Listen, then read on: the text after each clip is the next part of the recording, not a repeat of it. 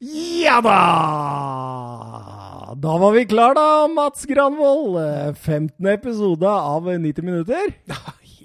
Helt nydelig, altså. Ja, tenk det! 15 episoder har vi kommet til nå.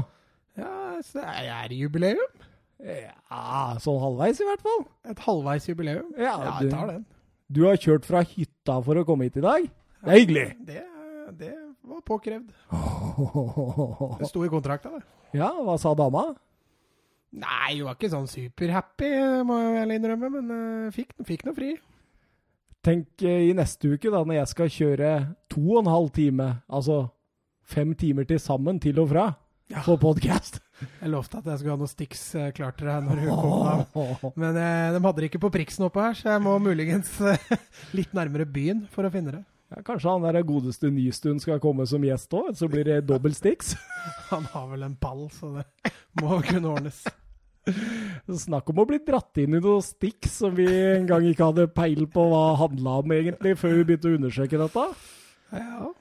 Men det er artig, artig. Um, hva tenker du, da? Hva tenker du om sendinga i dag? Hva skal vi ha? Nei, vi kjører vel U21-finalen, og så trodde jo vi vi skulle ha litt kåpa, men det viste seg å bli såpass kjedelig og lite underholdende at vi, vi dropper det. Ja, vet du hva, altså Jeg, jeg skrev en tekstmelding til deg i går, hvor jeg skrev det at uh, vi stryker eh, Colombia og Chile, fordi jeg For det første har jeg ikke tid. Jeg hadde ikke tid til å sitte og, og se gjennom alt dette, for jeg sovna underveis i kampen. Ja, ja. Eh, Altså, jeg skulle jo se kampen i opptak når jeg kom hjem fra hytta i dag, og så sa jo du ganske greit ifra at du, vi dropper den matchen, så skal jeg spare deg de to timene med lidelse, og så tar vi heller litt mer utdypende rundt eh, U21-finalen, så ja, jeg, jeg, jeg, kanskje greit. Absolutt. Jeg tenkte at det var best mulig måte å bruke tida vår på også, fordi altså For en skuffelse, disse kvartfinalene i Kåpan. Ja, i hvert fall vært målløst. eh. Ja, det er jo bare ett lag av åtte som har skåret mål. Ja, så det er jo i hvert fall en, eh, et lag som har hatt litt stigende formkurve, og så er det tre-fire andre lag som eh, virker å synke litt. Ja, og du uh, antyda at Chile kunne bli en liten eh, outsider nå. Ja, i hvert fall nå. altså Nå møter jo, møter jo Chile Peru i en semifinale. Ja. Der bør jo alle mulighetene være åpne. og Så blir det jo Altså Med tanke på de lagene som er igjen nå, så spilles jo egentlig finalen i semifinalen mellom Brasil og Argentina, spør du meg i hvert fall. Ja, og jeg eh, vil være svært overraska om ikke vinneren er der også, selv om altså det er, det er så rart at vi snakker om Argentina som en potensiell vinner nå, etter den gruppespillet der. Ja, altså, men, men altså, de er det laget som har hatt den beste stigende formkurven av alle lag i Copaen etter, etter gruppespillet. Altså Jeg holder fortsatt Argentina som en liten outsider, men hvis de ender opp nå med å slå Brasil, så kan vi jo få samme finalen vi hadde for, eh, for to år siden. Da, da er det vel et litt revansjesugent Argentina-lag, mens det er et litt eldrende Chile-lag som møtes. Antageligvis. Og så er det jo litt sånn at eh, det som var feil med Argentina i gruppespillet Vi ga jo noen eh, tips. Ja, det er mulig Scaloni hørte, hørte litt på Ja. ja. minutter, ass, for det, han fulgte i hvert fall de rådene. Han har fulgt samtlige råd! Og da har det gått bra òg. Ja, det er jo da de har starta Men Messi har han ikke fått involvert. Nei, altså det er jo vært eh, Han har egentlig vært en skuffelse. Eh, men altså, så lenge kollektivet Argentina fungerer, eh, så går det jo greit også å ha en Messi på, som leverer kun på 80 For, for en Messi på 80% han er også en OK fotballspiller. Han er jo det. Han eh, Vi skal snakke om litt skuffelser etterpå i forhold til et eh, lytterspørsmål vi fikk. Eh, Jeg sa jo til deg at Messi fort kan bli min skuffelse, men eh, Ja, altså, han har, altså Det er jo litt med forventningene Ja, du har til Messi. ikke ikke altså, sant. Hadde, det vært James Rodriguez som hadde levert de samme, samme som det Messi har gjort, så hadde det kanskje vært OK. Men ja, eh, han har hatt et godt Han mesterskap, han OK Hames. OK Så. Men eh, jeg er helt enig. Jeg syns også Messi Vi venter litt på Messi, og nå er vi i semifinalen, så det er på tide at han begynner å blomstre. Ja, det blir gøy. Um, nå er det jo sånn at jeg drar jo på ferie i morgen. Ja. Uh, og jeg drar langt vekk. ja, Du gjemmer deg skikkelig godt bort. Og så er det jo slik da at uh, vi må jo fullføre Kåpan, ikke sant? Ja, jeg syns det. Ja. Men uh, vi tar ikke semifinalene og finalen, for da blir det veldig mye tur-retur i bilen for meg her. Ja, nei, altså vi lager en egen sending Ja. til finalen, og ikke Til noe til noe annet. Kåpa-finale og et eller annet annet. Ja, Ja. Men uh, ja, nei, så skal vi også ha Bayern München i dag, da. Ja, det blir gøy. Det blir artig. Ja. Har ikke forberedt så mye, men det blir gøy. Ja, men vi, vi kan såpass mye at det, det er jeg ikke så redd for. Ja da. Og så skal vi nevne sentralpuben, eller? As always. Ja. Har du fått lagd noe fantasy-lag nå, eller? Jeg har satt opp en kladd. En kladd, ja. Ja. Du, du har notert? Du har du, Nei, nei, nei, Nei, jeg har vært inne Nei, ja ja, men altså Den, kladd, den kladden jeg har laga på Fantasy, det er ikke den Ja. som kommer til å bli stående. Nei, nei. Eh, men, men som jeg har nevnt tidligere også i denne podkasten, er at eh, internettforholdene oppe på hytta er såpass eh, svakt at det lagde jeg før jeg dro. Og så må jeg kladde mer når jeg kommer hjem igjen, rett og slett. Ja, absolutt. absolutt. Men Det, det er morte, morsomt at du snakker om det som en kladd. Ja, nei, det, ja, men det er en kladd. Ja, ja. Og vi skal lage Vennerliga, og, eh, og eh, sentralpuben skal lage Vennerliga. Ja, den blir kanskje gjever også, med tanke på premien. Ja, premien. Men, men, men vi, vi- jeg, jeg skal jobbe for å hoste opp litt premie i vår òg. Ja, det syns jeg du skal. Ja, ja. Eh, Jeg kan sikkert få tak i noen Strømmen-effekter, altså, hvis, hvis folk er interessert i å vinne det. Ja, jeg kan få tak i signert Strømmen-drakt. Ja, ja, men det får jeg tak i. Det er ikke noe problem. Å, det er nydelig. Det er nydelig. Eh, nei, eh, jeg lurer bare på om vi bare Oi, seks minutter? Da, da må vi kjøre på. Ja, Da er det bare å kjøre musikk.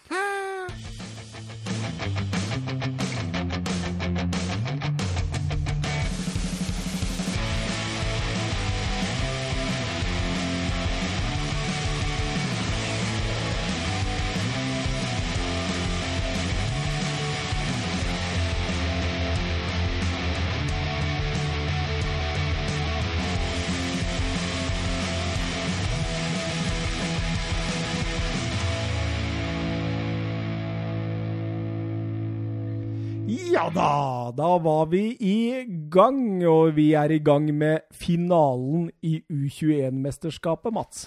Ja, det var et mesterskap som uh, ga oss enda litt mer enn det vi forventa, tror jeg. Ja, jeg tror det. Eh, Det var mange lag som overraska. At eh, Tyskland-Spania spilte finale, var, var jo ikke ufortjent, selv om jeg tror vi begge savna Italia litt. Det var den samme finalen som i 2017. Eh, ja, stemmer. Husker du hva stillinga blei der? 1-0 til Tyskland. Ja. Husker du målskårer òg, eller? Ah, Nei, eh, da må, da må jeg begynne å gjette, og det tror jeg. Mitchell Weiser. Eh, Ja, nei, jeg tror ikke jeg hadde gjetta det. Lev Leverkosen-kanten. Ja, riktig. Ja, han har ja, vært litt sånn Ja, han er ikke sånn kjempefast på Leverkosen, men har sånn 25-30 kamper i løpet av året, tror jeg. Ja, men det er litt sånn med de U21-laga vi ser der nede nå. Altså, de største stjernene er jo ikke med. Nei, det er sant, det. Så Men likevel, da, så eh, det ble produsert veldig bra fotball fram til finalen, og litt i finalen. Litt i finalen. Eh, finalen blei litt som finaler ble normalt sett blir. At det, det er litt sånn ta og føle på. litt sånn, altså, Du skjønner at eh, nedturen ved å tape kampen er så stor, da. At eh, oppturen liksom på en måte ikke svelger den. Ja, altså Jeg er enig med deg hva det gjelder Tyskland. Spania gikk jo ut i 240 eh, fra start, og ja, til dels sjokkerte Tyskland eh, med sitt ekstreme aggressive offensive press, og, og voldsomt interessert i tidlig ballgjenvinning. Ja, for som du eh, er inne på, så var jo Tyskland regjerende mester. De vant 1-0 mot Spania sist, og Spania har fire mesterskap fra før av. Ja, de har én bak Italia før denne finalen. Ja, Siste var i 2013, så de var nok lystne på å ta den. Ja, siden den gang så har jo til og med Sverige vunnet mer enn Spania, så det var på tide. ja, Sverige vant i 2015, det stemmer det. Stemmer. Eh, Tyskland ut i en eh, Ja, det var den helt normale, vanlige som vi har blitt kjent med. 4-3-3 med falsk nier. Ja, han Waldschmidt eh, fortsatt, fortsetter å droppe han. Han spiller eh, I oppbygningsfasen spiller de nesten med, med en firer på midten, med Walschmidt Mm. offensivt. Ja, og så to på en måte kanter som skal fungere omtrent som spisser igjen eh, bak han. Ja. Og det er Østenali og Amiri. Amiri syns jeg har hatt et veldig godt mesterskap. ja, han har vært, eh, han har vært meget solid. Eh, vil veldig mye også i denne kampen.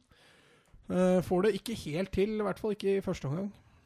Nei, og Spania ut i en 4-2-3-1 med å gjøre Sabal på topp. Og det er jo også en slags falsk nier. ja, han opererer også som en falsk nier. Jobber veldig mye hjem tilbake og sideveis. og... Nei, ingen av lagene stilte egentlig fra start med, med voldsomt mye bakgrunnstrussel. Nei, det var, jo, det var jo uten rein spiss på begge lagene, og egentlig mer enn møtende spiss. Og, og, kanter som på en måte skal bidra inn bak. Mm, stemmer. Eh, og som du var inne på, da, når eh, dommeren eh, blåser for første omgang, så går jo Spania ut i et forrykende tempo.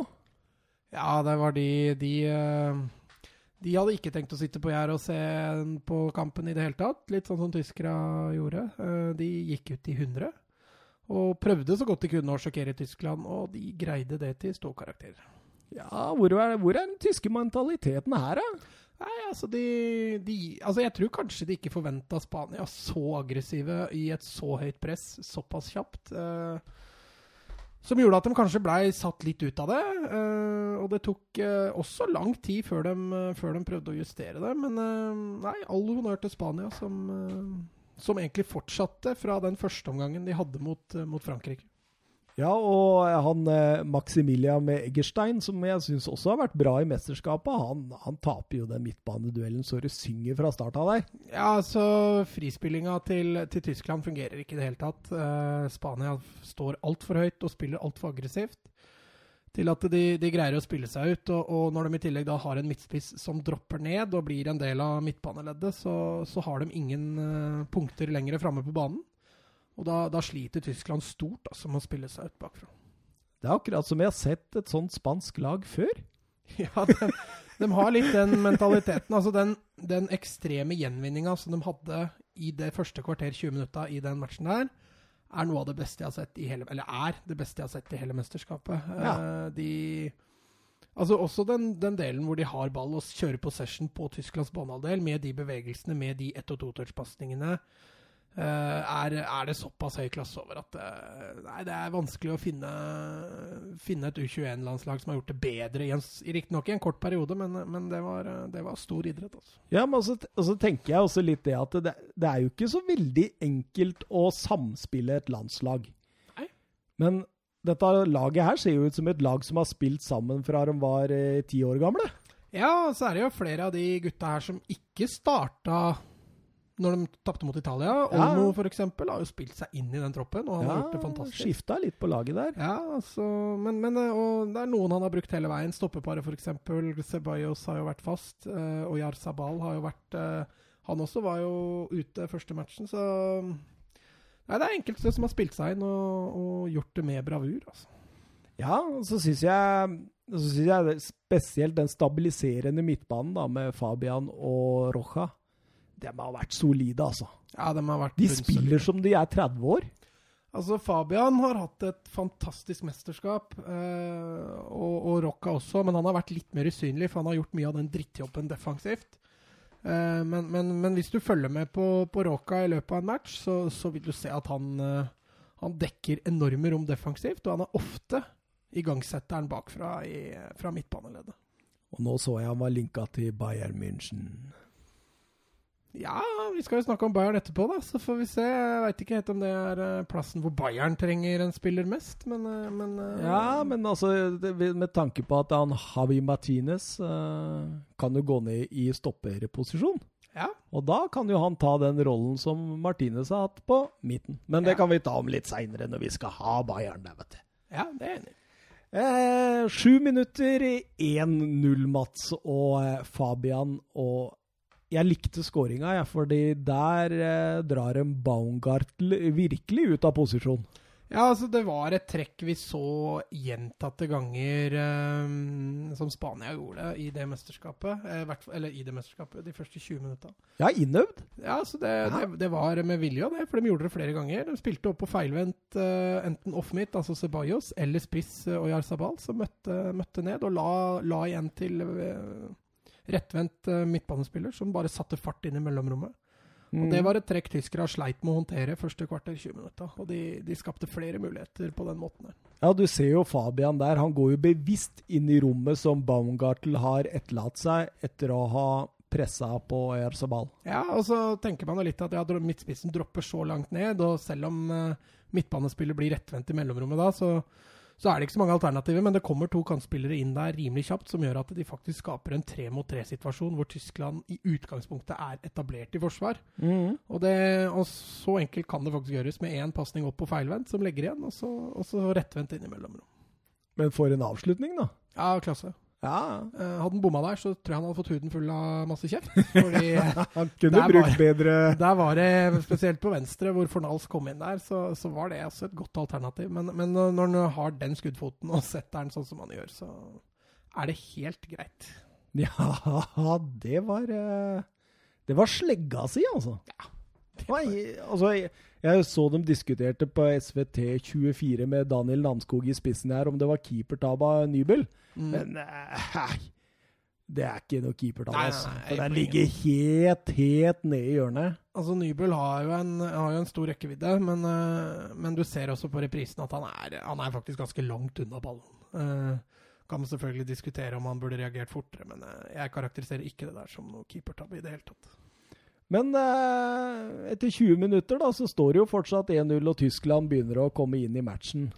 Ja, altså det, det, som skjer, er jo det at jeg tror det er to ting som skjer. En er at Tyskland eh, justerer litt. De ser jo det at frispillinga bakfra det fungerer ikke i det hele tatt. Spania er altfor god i første presse. Ja, for tyskere prøvde egentlig å spille som Spania bakfra? Ja, de ønska jo å spille seg ut. Det var ikke så vanskelig å se. og Det, det skjønner man jo når man spiller med en spiss som Walshmith, som, som, dropper så langt ned. Da har du jo ikke noe naturlig oppspillspunkt.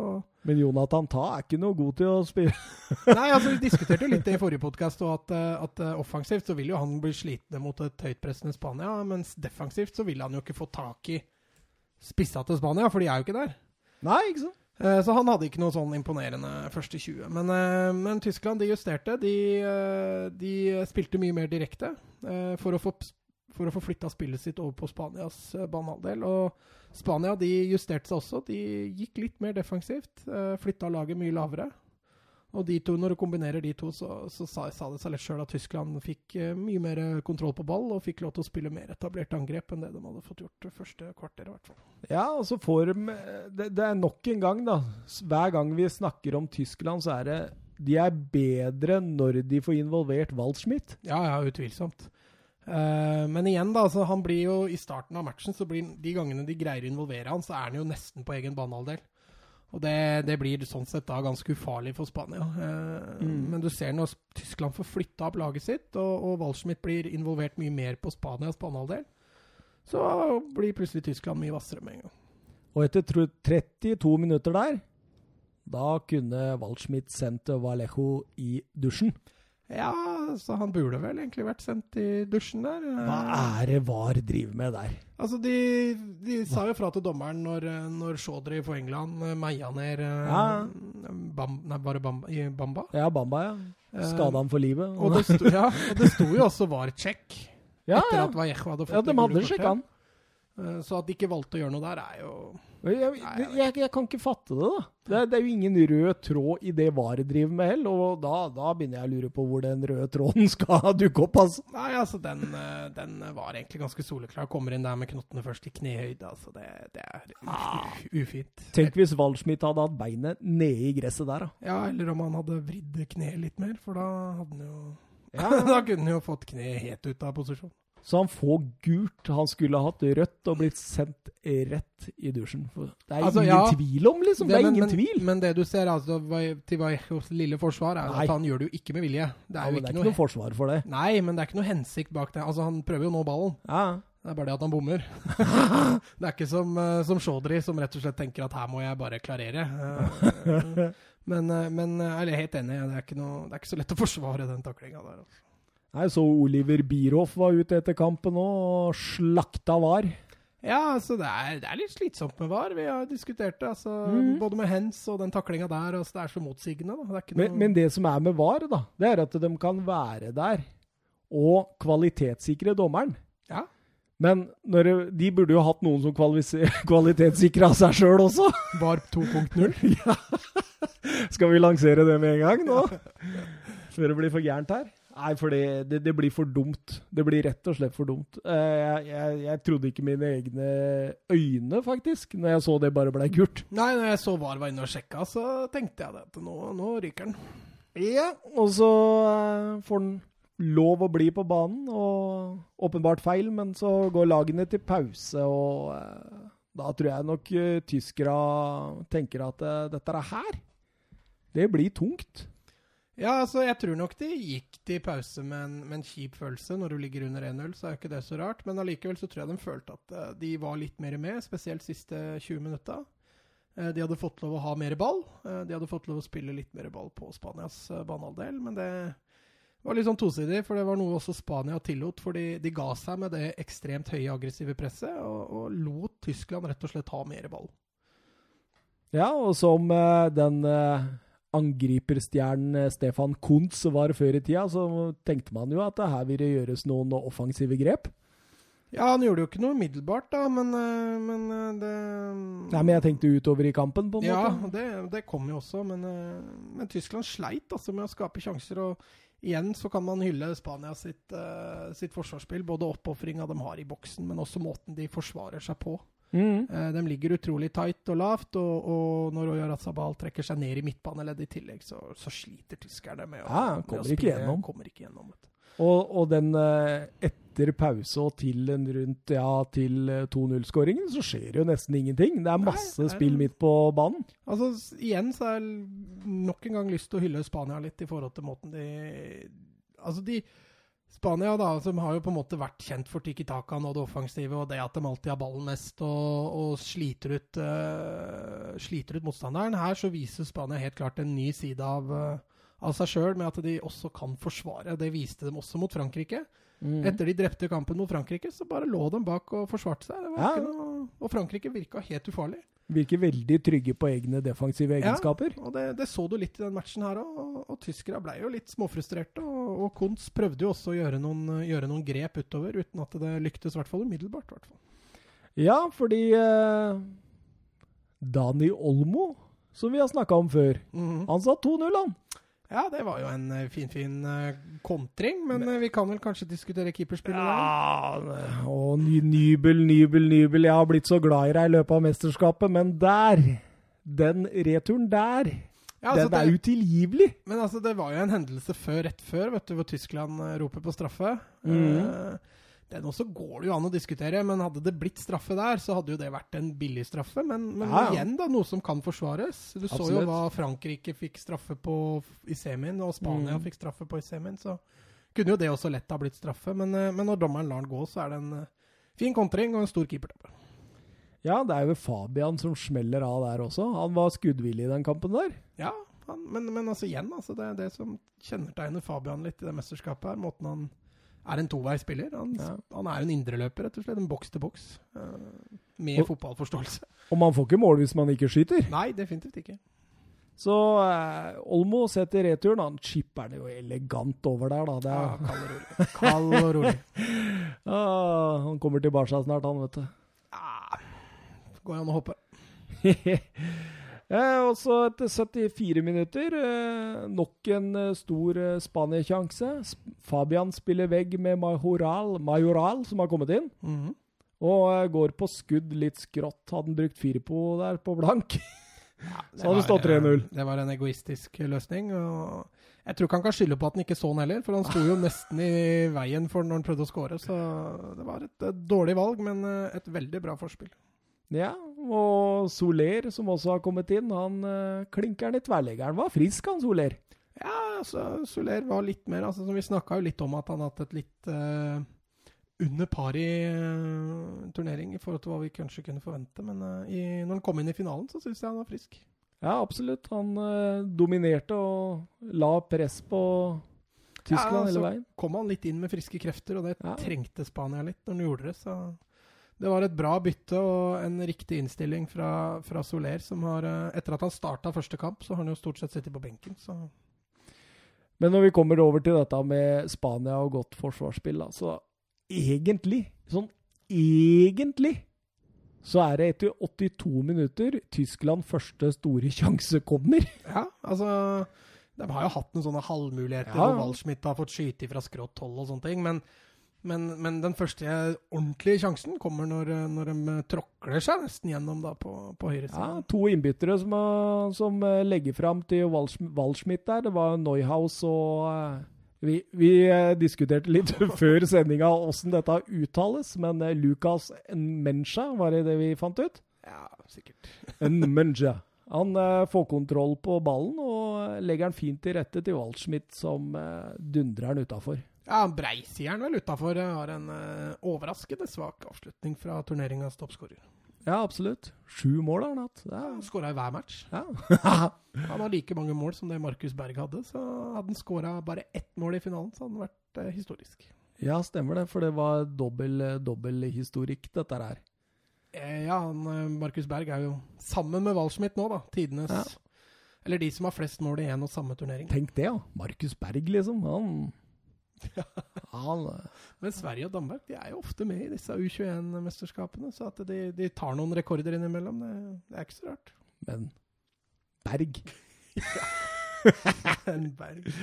Eh, 87 minutter. Eh, Tyskland får eh, lønn for strevet. Eh, Amiri, som vi har snakka om, blir spilt opp, eh, og på 22-23 meter så eh, vender han av og dunker til. Går via Vallejo, og ballen får en sånn bue over eh, Spanias keeper. Så setter han litt sånn ut av spill. Ja, jeg tror ikke det hadde blitt mål hvis ikke Vallejo hadde stussa han. Han får jo den perfekte buen etter at han går via Via Vallejo der, og da, da er keeper satt ut av spill. Og, men for all del, en fin skåring.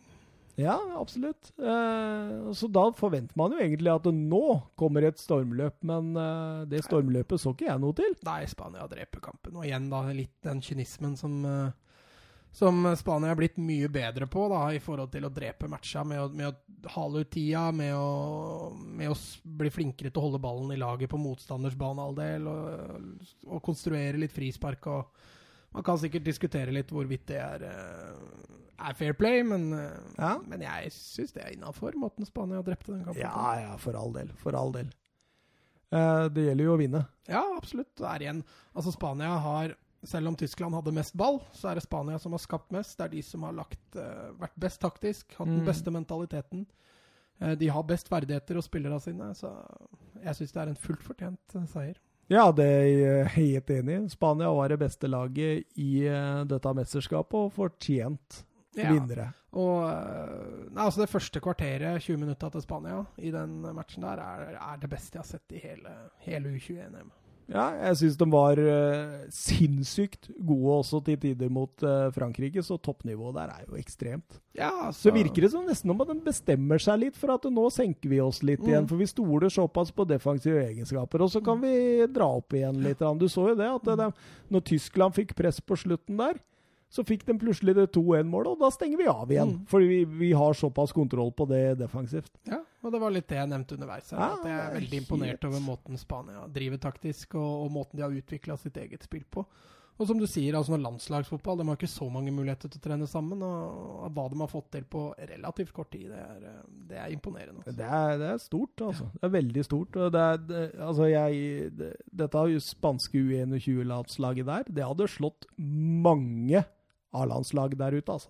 Ja, det er vel bare de toppnasjonene de vil slite Ja. med, tror jeg. Absolutt. Eh, men de spilte voksent. De, Ja, det er nettopp det. De spiller voksent. De, er, de, de ser ikke ut som de er eh, 23, 22, 21 og 20 år. Mm. De ser ut som de er eh, fra 25 og oppover. Ja. Det ser ut som de har vært ute en vinterdag og to og tre før, og en annen verdenskrig og tredje verdenskrig og den kalde krigen og alt. Ja, ja. Men det er, altså, nå er det jo et par spillere også, spesielt fra Spania, da, som har økt verdien sin, og ikke minst Åh. interessen. eh, Og det skal vi jo litt fram til når vi skal Ganske mye, men jeg tror um, hvis det ikke er et par av de fra det laget der som blir flytter på seg i løpet av den sommeren her, så blir jeg overraska. Altså. Det er litt morsomt nå, for nå, nå skal vi lage U21-mesterskapets beste sammensatte elver med benk. Ja. Og vi har ikke snakka sammen en puck om dette laget, da du har vært på hytta og jeg har vært og malt huset mitt. Mm. Så eh, det blir ekstremt spennende å se hvor mange vi kan telle opp til slutt som vi har på det samme laget. ja, Eh, Skal vi rett og slett begynne med det, eller? det kan vi gjøre. Da kan vi jo begynne med keeperen, eller?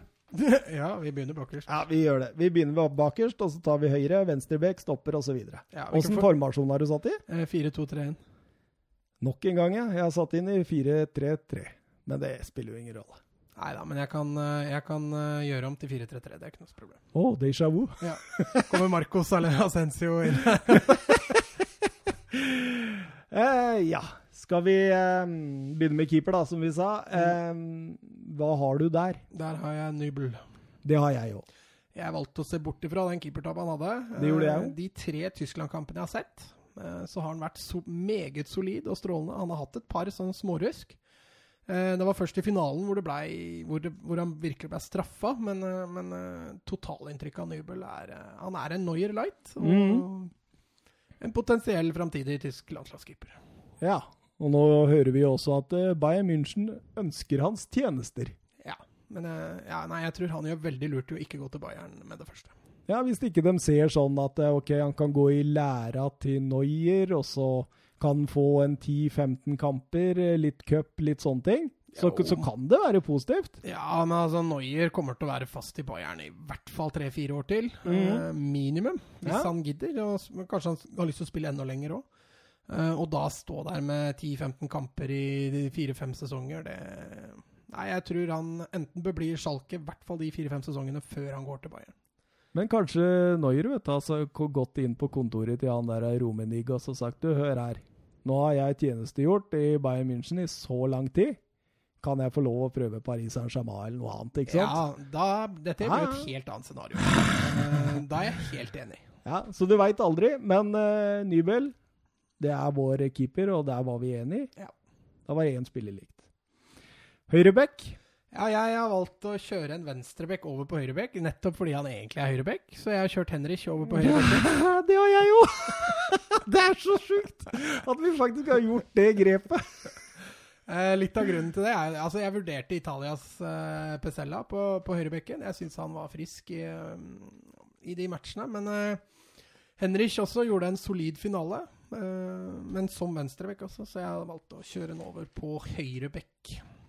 Ja, absolutt. Det har jeg gjort akkurat det samme for å få plass til venstrebekken. Firpo. Ja.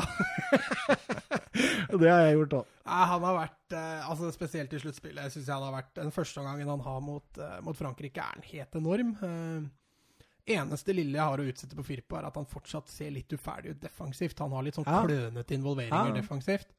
Eh, men offensivt så er han knallbra. Eh, og så Det er litt jo- sånn Benjamin Mendy, han i City, ja, vet du. ja, det er jeg Ja. for så vidt enig med deg i. Han, eh, han er bare 22 år, så han har jo fortsatt uh... Ja, Vi koster mye penger hvis du skal hente ut han av Betis nå, altså. Ja, Betis bygger bra, dem nå. Så jeg, altså, men altså, de har jo solgt Ceballos og Fabian, så dette laget her er mye Betis-produkter som har vært toneangivende. Altså. Absolutt. Første stopper? Der har jeg Vallejo. Ja, jeg har John Gianluca Manzini. Ja, jeg har jo han på den andre stopperen, da. Ja, du har det, ja!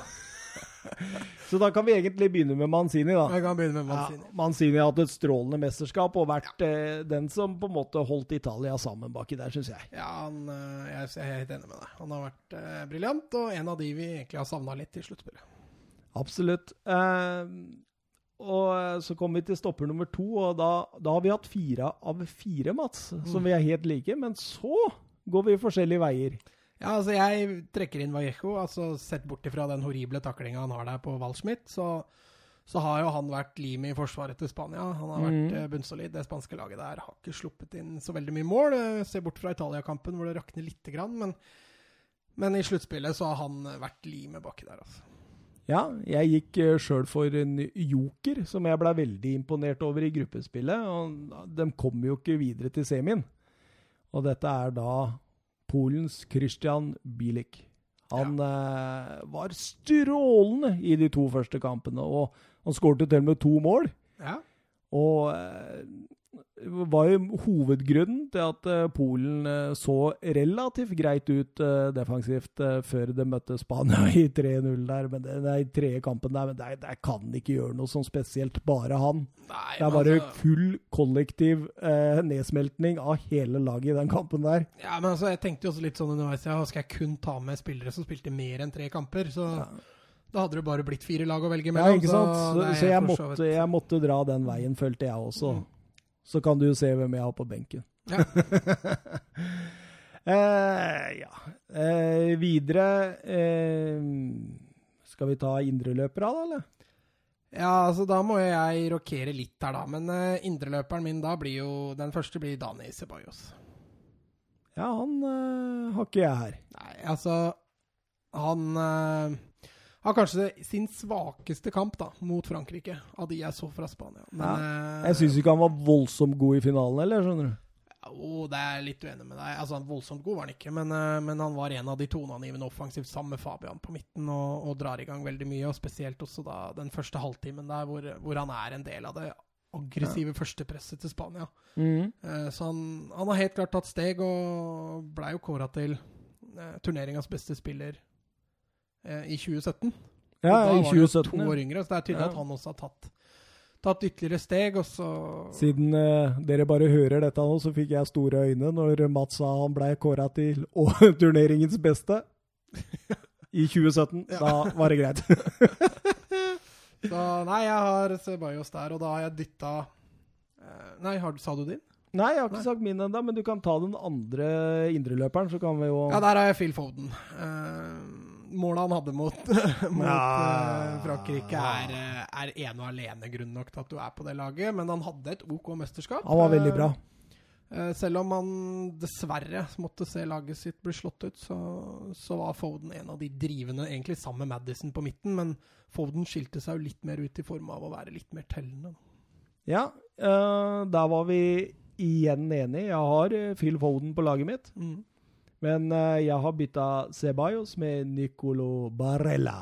Mm. Jeg syns han var uh, Ja, det er en av mine favoritter fra dette mesterskapet, da. Ja. Så jeg har snakka så mye om den at jeg trenger ikke å snakke mer om den, tror jeg. Nei.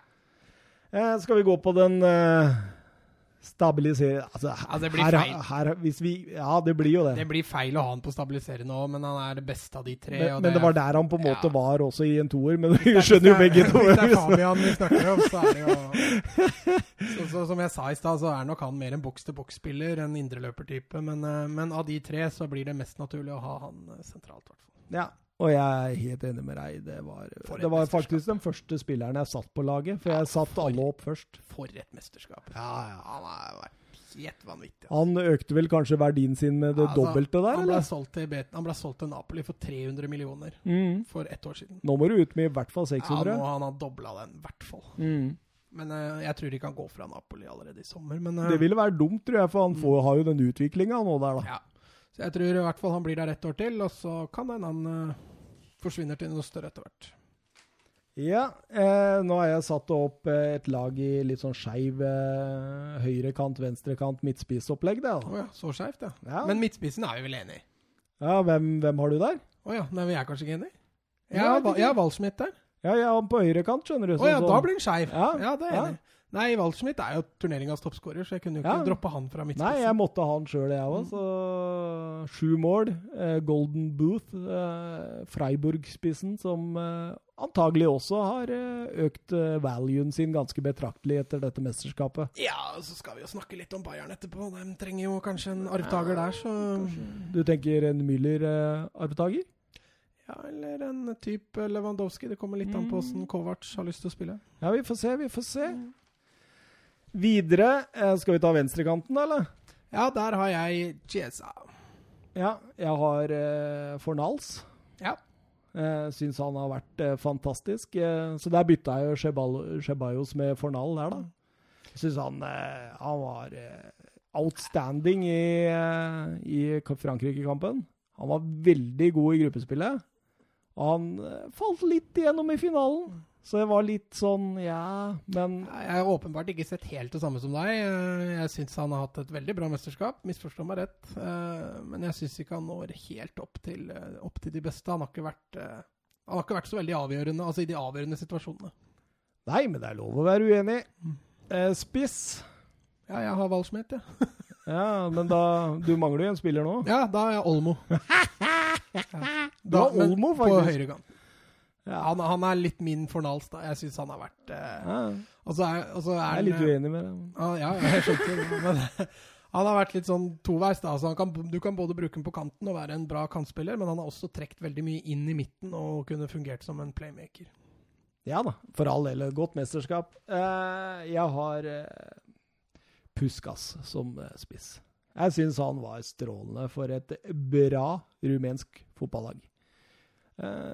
Meget, meget Altså, han var litt sånn ærgjerrig, liksom. Du, du, nevnte det en gang vi så Romania, at, uh, at uh, han var litt sånn egosentrisk spiss. Ja, ja. En sånn liksom Han jubla Han, han jubla ikke når medspilleren scora, ja. fordi han burde hatt ballen. Ja, ikke sant? Og begynner og, å krangle med dommeren isteden. Ja, husker du det? Han begynte å krangle med dommeren. Jeg, jeg, det var mitt mål, altså. Det var Så nei, han er veldig Men altså, ja det Men det er litt sånn Harry Kane-mentalitet. Det er sånn vinnerskalletype. Sånn. Ja. Men husker du ikke Kane også uh, i den uh, når uh, Eriksen legger inn der, og han får den på skulderen sin? Han bare mm. snitter skulderen, og så gir Premier League målet til Eriksen. Ja, ja. Og Kane han gir seg ikke. Det skal han ha, for han var borti den og omtrent eh, sjonglere rundt med hele verden for å få så, det målet. Det er mulig Tottenham har en uh, backup uh, ja, på gang. Back, backup, uh, ja. ja. Georg Puska, altså. Det var et, det var et overraskende og artig egentlig syn på fotballverden fra Romania. Mm. En nydelig spiller. skal vi ta benken, eller? Ja, det må vi gjøre. Eh, der har jeg reservekeeper Antonio Sivera. Ja, det er jeg òg. Ja. Alaves-keeperen gjorde tingene sine bra i ja, mesterskapet. Han, han uh, hadde jo ingen uh, enorme tabber, i hvert fall. Uh, sånn som uh, bl.a. den tyske keeperen vi snakka om, hadde. Men han var solid. absolutt. Og så har jo jeg gjort det sånn at jeg har tatt en reserveback, en reservestopper, en reserve midtbane, en reservekant og en reservespiss. Ja, men det har jeg gjort. Ja. Så reservebekken min, eh, kanskje noe overraskende, men eh, jeg så halvannen kamp med den, og han var strålende. Eh, Rasmus Nissen. ja, der har du fått en jeg ikke har. Ja, Ajax-bekken var strålende for Danmark, spesielt offensivt. Mm. Og produserte vel også en assist der. Var veldig bra. For et, altså, Danmark gjorde seg ikke bort. Nei, på ingen måte. Eh, danskene de, de, viste at de hadde noe der å gjøre, dem. Ja, var, jeg syns det var bra, bra danske pølser. Eh, hvem hadde du der? Jeg har eh, Pesella fra, fra Italia. Ja, og det er jeg for så vidt også enig i. Jeg syns han var, også var bra. Ja, han var, eh, han var en av de mer solide bekkene. Jeg, både jeg vurderte å dytte den inn for Henrich på, på høyrebekken, eh, så det var ganske tight. Ja. Og så reservestopper har jeg eh, Jesus Vallejo. Ja. Der har jeg Bilek, da. så vi var ikke så uenige. Så bra. Eh, midtbanen? Ja, der har jeg eh, Hagi fra Romania. Det har jeg òg. Ja. Ja, ja. Vito Rol-spilleren som trenes av sin egen far, faktisk, i ja. Vito Rol. Og nå så jeg han var linka til Barcelona. Så ja, og mulig det blir litt Bayern sånn München, faktisk. Ja, Bayern vil ha ja, det. Ja. Det er ikke så mange som ryktes til Barca for tida, så jeg må bare ta de jeg får, får tak i. Men, men, han var jo i Fiorentina, han der. Mm. Og så gikk det ikke så bra der, tydeligvis. Nei, han, han, jeg tror ikke han er helt far sin i forhold til talentet. Ja. Men uh, han kan sikkert bli Altså, det han har vist i dette mesterskapet, så, så er det bra. svært lovende. Vært. Kreativ type. Mm, absolutt. Reservekant har jeg da Federico Chiesa. Nei, altså jeg har jo Hagi som kant, jeg, da. Ja, ok. Ja, så jeg har Barella som reservesentral. Ja, det Dette begynner å bli veldig likt. Ekstremt likt. Jeg skulle tro vi hadde prata om det. Mm. Eh, så har jeg kjørt en liten variant som spiss, da. Ja. Jeg har kjørt eh, Amiri fra Tyskland. Ja, jeg vurderte han, jeg òg. Eh, men mm. jeg tok jo da Puskas, jeg, da, på Uh, ja. Nei, men det Altså, jeg tror vi hadde klart å bli enig om laget vårt i løpet av ti minutter her nå. Ja, det tviler jeg ikke på. Det var såpass uh, close at det var nesten litt morsomt. Ja, uh, men Ja, nå føler jo vi at vi har litt peiling på fotball, da, så det er kanskje ikke så rart at vi velger mye av det samme. Det er vel derfor vi sitter her òg, fordi vi har mer peil enn en gjennomsnittlig nordmann, er det ikke det? Ja, ja. Vi tror det om oss sjøl. Eh, skal vi ta litt eh, quiz om U21? Ja, kjør det. Eh, Toppskårer? Ja, Walsmith. Eh, nummer to? Oh, eh, nei, da tror jeg ikke vi må til Spania. Jeg har snakka om den på mesterskapslaget vårt. Har vi gjort det? Det er ikke Oyarzabal? Nei? Mesterskapslaget Å, det er Puskas. Ja. Ja, Samiri, Olmo og Chiesa 3. Det er de som har skårte mer enn to mål. Ja. Eh, hvem leder assist? Eller vant assisttoppen? Uh, da tror jeg kanskje vi må til Spania. Fabian, kanskje? Ja, riktig. Han hadde tre assist. Mm. Eh, Marco Richter, Sasha Horvath, Filip Jajelko og Jakub Brun Larsen hadde to hver. Eh, nå, skal, nå, nå skal du få en liten noen. Hvem hadde flest pasninger i mesterskapet? Ja, det høres ut som en Italia-spiller, da. Eh, nei, en Italia-spiller. En Spania-spiller. Det er en vi har dissa litt for at det har dårlige pasninger. I dette mesterskapet. Ja. Han hadde flest. Jonathan Ta. Var det Jonathan Ta, ja? Han har 333 pasninger i mesterskapet. ja, men så kan det hende bare ti av dem var vellykka, da. Ja, det er jo, det er, dette er pasninger. Eh, Ceballos eh, 332. Baumgartel, Dahoud og Opamecano. Så det, du ser at stoppera er mye involvert Ja, i spillet. Det viser jo også litt uh, hva, spiller, hva de ønsker å oppnå Ja, med, med, med possession-orientert fotball. Hvertfall. Ikke sant? Å spille opp med stoppere. At det, det, det krever mye mer av stoppera nå enn det gjorde for fem år siden. Ja. Så det er en litt sånn pekepinn på hvordan fotballen eh, tar veien. Eh, Veit du hvilket lag som hadde gjennomsnitt i løpet av kampene de spilte, mest possession? ja, Tyskland da, kanskje? Nei. Spania? Nei. Italia? England? ja, England hadde 56,3. Spania på 56,1 og Italia 56. Ja. Eh, vet du hva hun som traff på flest pasninger? Ceballos. Ja, av laga? Å ja. Spania. Nei, de var på 88% så de var nummer to. Tyskland. England. Eng England. England hadde 90, så jeg jo liksom I forhold til Frankrike-kampen, i forhold til det som skjedde, i forhold til Chaudry, røde kort og sånt det, det var mye som gikk gærent for England, egentlig, til tross for et ganske bra fotballag. Ja, altså Romania Jeg unna Romania den semifinaleplassen. Selv om vi mista noen stjerner når de gikk videre, så syns jeg Romania fortjente det. Når det gjelder Frankrike, så syns jeg ikke de fortjente den semifinaleplassen. Nei, absolutt ikke. Eh, og der gikk vi jo glipp av England. Og de, av det jeg så av England, var mye mer friskt enn det jeg så av Frankrike. Altså. Det hadde vært eh, Altså, de fire laga som kanskje imponerte meg mest, som jeg skulle selv helst ha sett semifinaler av, det hadde vært Spania, Tyskland, England og Italia. Italia. Mm. Det er de fire laga som på en måte imponerte mest. Det er jeg for så vidt enig med deg i, Altså, men, men, men tenk, tenk deg semifinalene England, Spania og Italia, og Tyskland. Det hadde vært grusomt morsomt. Ja, men Romania, altså Jeg har ikke lyst Ja, til å ta vet, fra du, dem du, du, du eh, driver og snakker om Romania hele tida, og jeg, jeg jo, hadde jo én Altså, Romania spiller på grusa jo England. Ja, altså, det var jo ganske jevnt spilt. jo, ja, men skåringene teller. Men fra og med 2021 Mm. så er det fire grupper. Ja. Så da blir det Det blir ikke gøyere. Det så- blir blir Nei, for det er litt dumt, det der er beste toer, og så blir- blir du nummer to i de andre gruppene, og så er du ikke med. Nei, altså, Det er litt rart. Det er brutalt. Men når du har bare tre grupper, og du skal rett til semifinale, så, så blir det jo sånn, da. Ja. Men kanskje da fra Nå har jeg ikke sjekka det, da, men kanskje det bare er gruppevinnere da, som går videre fra 2020. det går rett i Ja. Det går rett i Men det hadde nesten vært, det hadde vært bedre det òg, for da slapp du å få sånne 0-0-kamper mellom eh, Ja, det er sant. ja. Det er sant. det. Eh, skal vi gå videre til Bayern, eller? Ja. Bayern Munich, altså. Eh, storlaget fra Det Tyskland. er et stort lag, altså. Det er et av de største i verden, det. Ja, det er jo et av de definitivt største i Europa. Eh, spiller sine kamper på Allianz Arena. Tar 75 000 tilskuere der. Eh, laget stifta 27.2.1900, så bør være greit å huske. Ja. Og de har en drøss av titler. Jeg veit ikke om vi skal nevne alt, men 24 seriemesterskap, 19 cuptitler, eh, to Champions League og tre cupvinnercup er jo noe. Ja.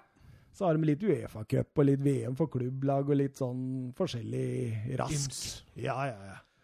Eh, regjerende serie- og cupmester i Tyskland. Eh, Niko Kovac. Eh, vi diskuterte jo litt han, fordi det var jo faktisk en trener som kunne ha fått fyken med en double. Ja. Men eh, altså, det, det, var den starten på sesongen som gjorde, jeg tror gjorde at folk var litt sånn i tvil. Ja, altså midt i der. Ja, for Bayern sleit voldsomt altså, i starten av sesongen i fjor.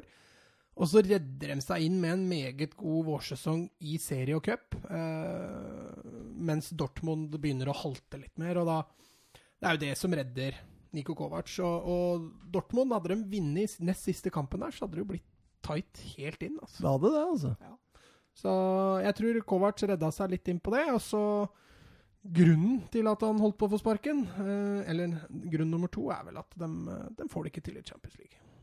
Nei, det gjorde ikke Pep Guardiola med Bayern München heller. Nei, men da ble det jo semifinaler, da. Nå røyk de jo i uh, kvarten. Så det, det, er jo litt tidlig å ryke for en storhet som Bayern.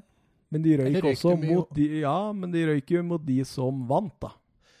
Jo, men det er fortsatt tidlig å ryke i uh, kvarten. Hvis det var kvarten? Jeg, jo, det var, det var ja, kvarten det var fordi Liverpool slo Porto i Ja, det stemmer. Uh, men de har, de har, jo slitt med litt skader, eh, de også. Siste, og Noyer var jo ute. De spilte jo med han Ulrich ganske lenge.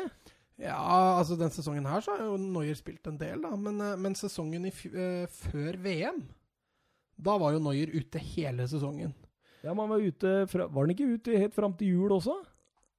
Og det kan godt hende. Jeg skal ikke påstå noe. Gå, nå, nå, mens du ja, prater, skal jeg gå inn og se hvor mange kamper Noyer hadde. Ja, men, men, altså den sesongen han hadde før VM, som jeg skulle fram til, da var han jo helt, da var han jo helt skada. Helt borte. Eh, og så kom han jo inn i VM og sto sin første obligatoriske kamp på nesten et år. Ja, stemmer det. Eh, mens, mens, da sesongen han hadde før han ble skada, så var han jo helt enorm.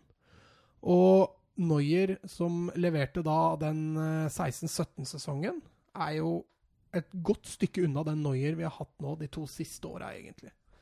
Eh, så Bayern savner jo litt uh, Savner egentlig litt den gode, gamle Noyer de henta fra Schalke. Han spilte 26 kamper i Bundesliga da, ja. i år. Av, Det spilles jo bare 34 da, i ja. Bundesliga.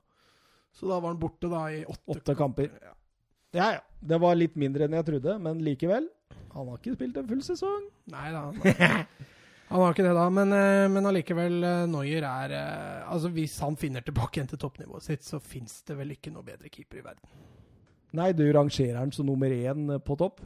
På sitt beste, ja. ja. Men det han Hva rangerer du nå i de siste par sesongene? Altså, De siste to-tre sesongene så er Noyer topp fem. Ja.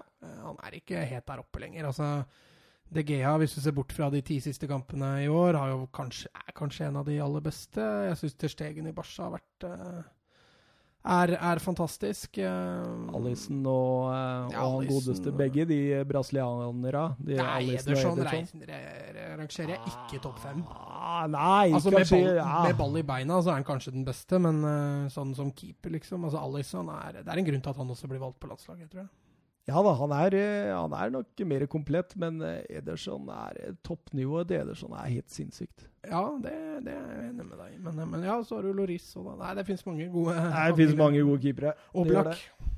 Ja, Oblak, han Flytter han på seg, eller? Han hadde jo lyst til å dra til United, ja. da. Sier jo ryktene at han er, er Det går ikke an å sitte med DGA og Oblak? Nei, det er det som blir igjen å se, da. For hvis DGA blir, så, så ser jeg ikke noen grunn til at United skal hente Oblak. Nei, eh, skal vi skal vi gjøre med Bayern som vi har gjort med de andre? At vi eh, går gjennom eh, ledd, og så ser vi hva som mangler? Ja. ja. Og da begynner vi med keepere. de har eh, fire keepere. To unggutter. Fruchtel og Hoffmann. Ellers så har de jo nevnte Ulrich og Neuer. Og, ja, kan du egentlig selge Ulrich, da, hvis du vil satse på de unge? Ja, Det er i hvert fall ikke nødvendig å gjøre noe spesielt her, i noe, noe innkjøp.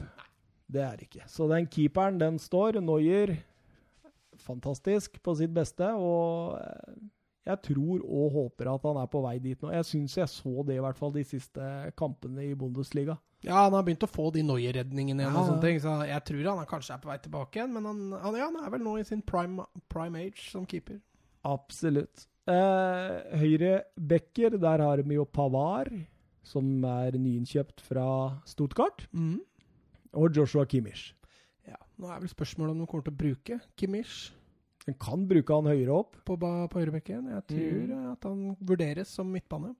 men Ja, og det tror jeg også. Men altså, det, det er litt sånn Fordi Bayern München spiller 4-3-3. Ja, eller 4-2-3. Henne Müller Ja. har droppa ned bak, Ja, det det, det- bak det- Det, det hender, det også. Og jeg, jeg tenker jo også at eh, han kan jo ikke spille sentralt på midtbanen, Kimmich. Ja, det er det han har gjort. Ja, men jeg, jeg, jeg syns ikke han kommer til sin rett der. Han Nei, må jeg- ut på kanten. Jeg er for så vidt enig. Han blir kanskje litt for defensiv eh, Ja, som en kantspiller. også. Ja, jeg synes også Han får ikke brukt ferdighetene sine der. Nei, Altså- men altså, så er det litt sånn derre Hva skal de med Pavar hvis de ikke skal uh, bruke det, men det er det jeg tenker på, at hvis de ikke får han uh, Hudson Odoi, Ja. så at han blir en slags sånn høyre kant uh, back hvor enn han måtte trenge en han, da. Altså, han blir, eh, blir eh, Gnabry-erstatter, skråstrek eh, Pavard-erstatter. Pavard kan også i verste fall spille inne som stopper. Ja.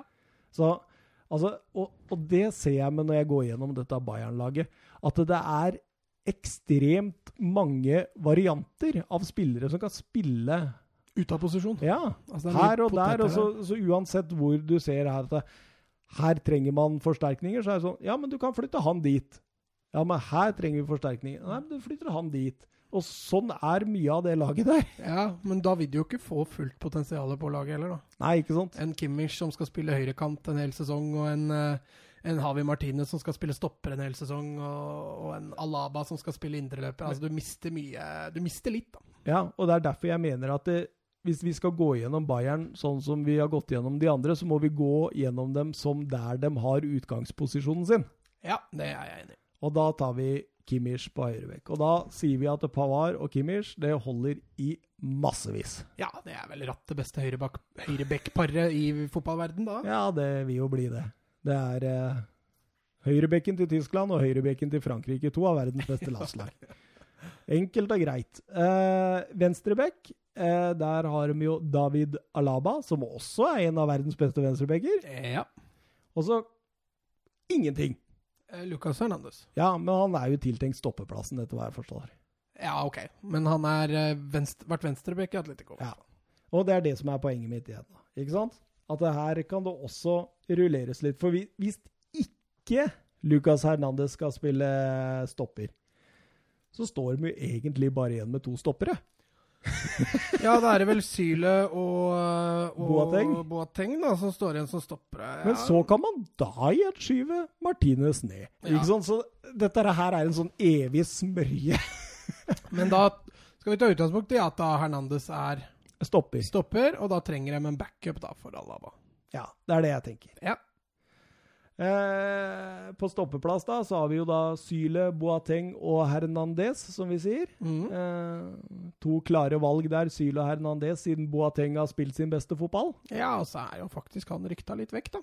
Er det noe Kina og noe greier, er det ikke det? Jo. Så her bør man få inn eh, altså, Og som vi nevner, også kan Martinez gå ned, droppe Mm. ned der. Ja. Så vi bør i hvert fall få inn én, kanskje to. Eh, sentralt på midten, der har vi jo din eh, favoritt eh, Nomborono utenom Messi, eh, Tiago Alcantara. Definitivt. Leon Goretzka. Eh, og så kommer Tolisso, som har vært mye skada, men han er faktisk ganske bra. Ja, han var jo med i Frankrikes eh, VM-tropp da Ja. han vant i 2018, så Er det lov å håpe på litt Tolisso-show i åra framover, eller? ja, det kan godt hende. Renato Sanchez og Havi Martinez, da, som har spilt i den rollen. Jeg, jeg, jeg, jeg tenker fort, jeg, i hvert fall i forhold til de ryktene og de spilleryktene vi har hørt nå om hva som er blitt rykta inn, mm. at eh, Havi Martinez fort kan bli tiltenkt en stopperplass igjen. Ja. Det er det jeg tenker, i hvert fall. Fordi de er link linka til ganske mange midtbanespillere, og ikke så mange stoppere. Nei, men da, hvis vi skyver Martinez ned som stopper, så er de jo godt forspent på stoppeplass. Ja, de er jo det. Da trenger de Da trenger kanskje én backup til. En, en venstre back Ja. backup. Eh, Og på midtbanen da, så har de jo, har de jo Renato Sanchez, han er rykta bort. Ja, Goretzka, Tiago og Tolisso da, som står igjen. Ja, Så det er, det er jo ikke voldsomt med bredde der. Nei, så de trenger eh, kanskje noe bredde der. Ja, de gjør det. De trenger en bredde, men en veldig god trio. Ja, men altså, da tatt utgangspunkt i at Sanchez forsvinner, da. For hvis han ikke forsvinner, så trenger de jo ikke så mye bredde igjen.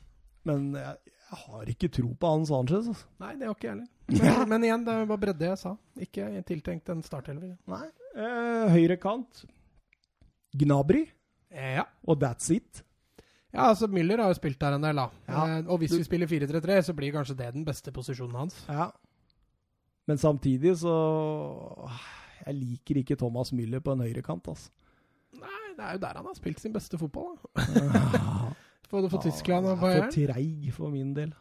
Ja. Men han har jo blitt brukt både bak Lewandowski og på høyre og på Ja. venstre kant. Men det er der jeg mener han er best. skjønner du, Enten en offensiv midtbane eller en, kall det gjerne en defensiv spiss. Altså Ja. ligger bak eh, en Lewandowski. Mm.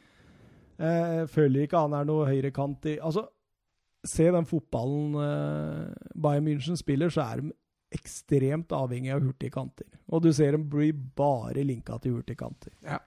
Så at eh, han avviker veldig fra det mønsteret. ja. Jeg er for så vidt enig. Eh, Venstrekant eh, Kingsley Coman og Alfonso Davies. Ja, Alfonso Davies er vel født på 2000-tallet, så dette er vel en framtidig fotballspiller, men eh, Men samtidig så står han registrert og bokført eh, som en A-lagsspiller i Bayern München. Ja, men stort talent. Så. Men Coman er mye skada. Ja, så han vil jo, hvis de ikke har noe annen backup enn Davies, så vil han jo få mye spilletid neste år, tror jeg. Det er jeg helt enig med deg. Eh, samtidig så veit vi jo at de er veldig opptatt av å få inn en venstrekant. Mm. Så det blir spennende å se. Eh, spiss, der har vi da Lewandowski. Og så har jeg satt opp Müller der, fordi der står han i, på eh, Bayern sin eh, hjemmeside. Mm. Og så har de fått inn en ny type, et stort talent, eh, Jan eh, Arp. Mm. Eh, Veit ikke så mye om han, annet enn at det er et stort Stort skåringstalent, altså rett og slett en måltyv. Ja. Eh, det holder jo helt klart mål hvis Lewandowski blir. Ja, altså Det er jeg for så vidt enig med deg i, men eh, hvis denne Arp, da, som, eh, som kom nå fra, fra Hamburg, er, eh, er habil, så, så har de jo litt framtid der. Men hvis de skal lene seg på Lewandowski og Müller, så må de jo fornye seg i løpet av ikke så altfor lenge, i hvert fall. Men samtidig, det vi har sett av Lewandowski i uh, siste halvdel av sesongen i år, har vært fantastisk. altså. Ja, han er jo en klassespiss. Han er jo Ah. ja, han Han har utvikla spillet sitt i år! Ja, altså, jeg vil jo si, Du sa det jo fint, du, at eh, Harry Kane er verdens beste nier, med kun utfordret av egentlig Robert Lewandowski. Eh, Ja. Og det er jeg vel for så vidt enig med deg i. Absolutt. Så eh, tilbake igjen til hva man behøver, da. Så behøver man en eh, backup til uh, Alaba. Grimaldo. Du hørte det her først.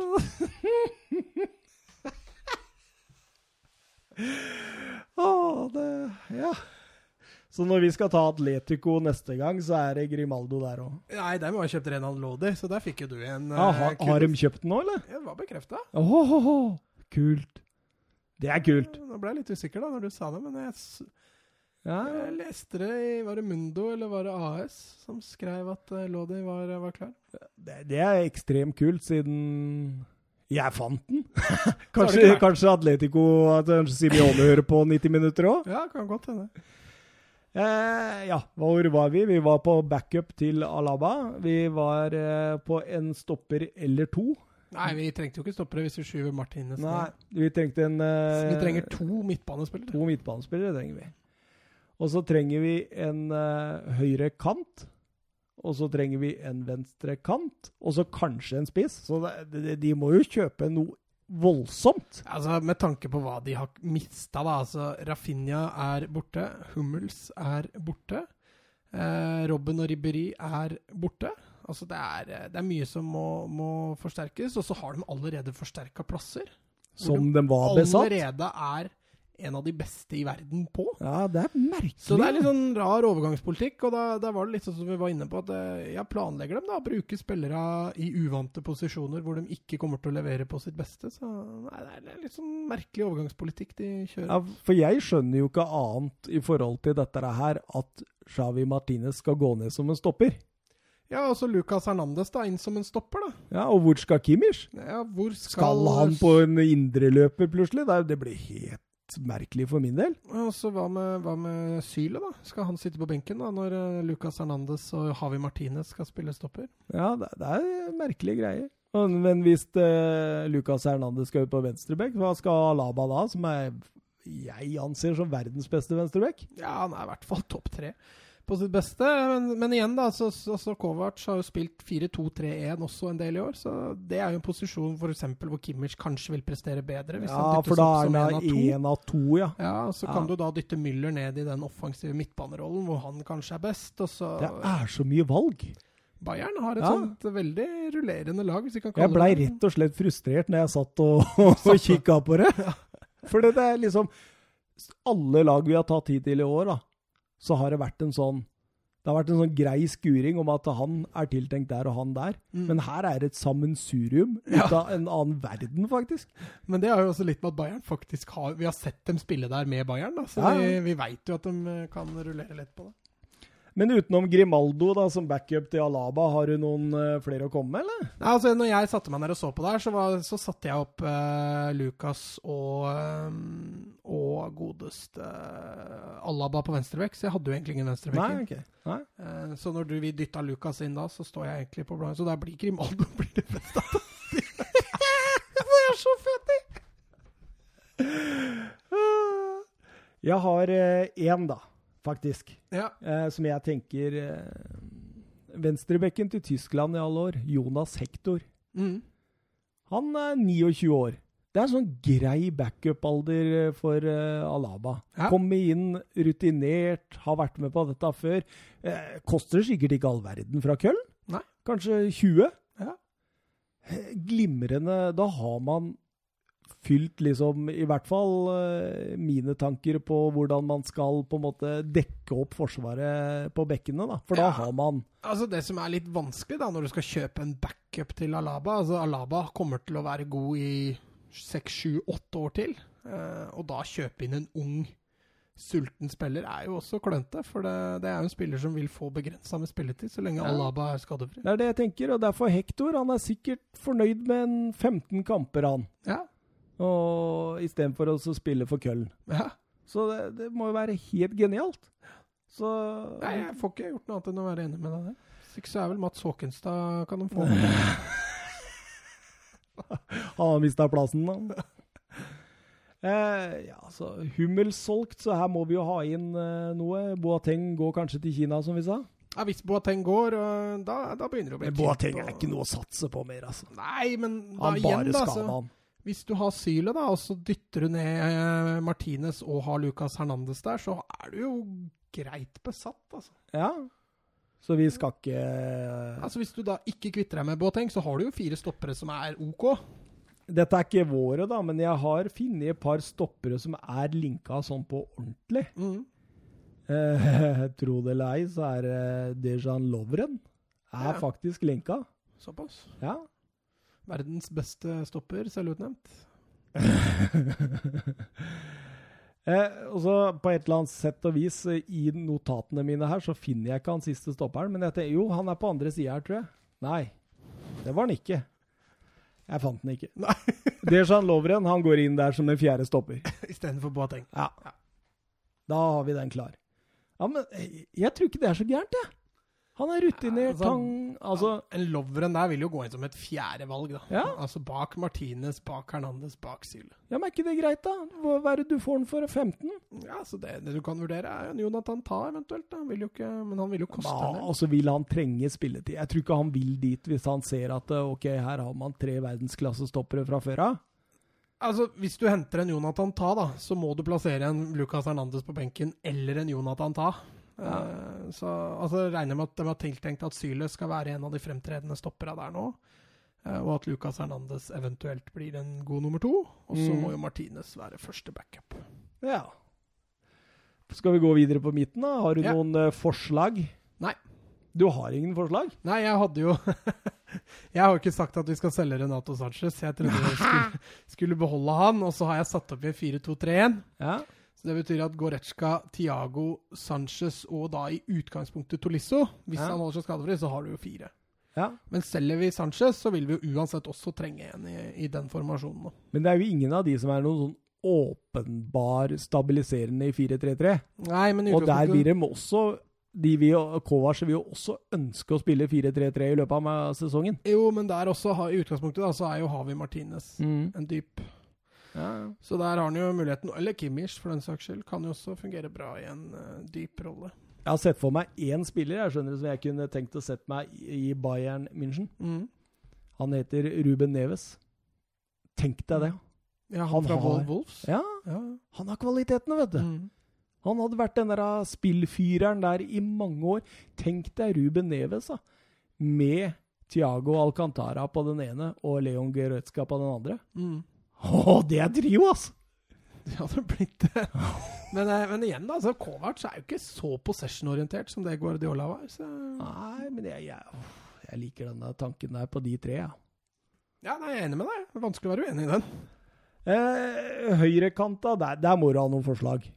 Eh, altså, jeg har Waldschmidt, men det er mer som en midtspiss. For jeg har jo Müller og Gnabry på høyre. Eh, så jeg har Waldschmidt inn som spiss sammen med, sammen med Lewandowski. Jeg, eh, hvis jeg hadde vært Kovac, så hadde jeg gått for å hente Kai Havertz. Ja, men han er på venstre. Ja, men han er jo en høyrekant. Jo, men det går fint, da. Man Ja, han. jo, altså, jo. Bayern liker jo innoverkanter. Det ser du jo med Robben på høyre og, og Ribéry på venstre. Men så veit vi jo også at de er ekstremt gira på å få Callum Hudson Odoi. Ja, Det er liksom eh, Det er eh, Det altså, er jo en mulig overgang. Det eneste som virkelig hindrer det, er jo overgangsnekten til Chelsea. Mm. Men samtidig, da, så skriver ikke Odoi under på den avtalen om forlengelse. Jeg tror han bare har kontrakt i 2021.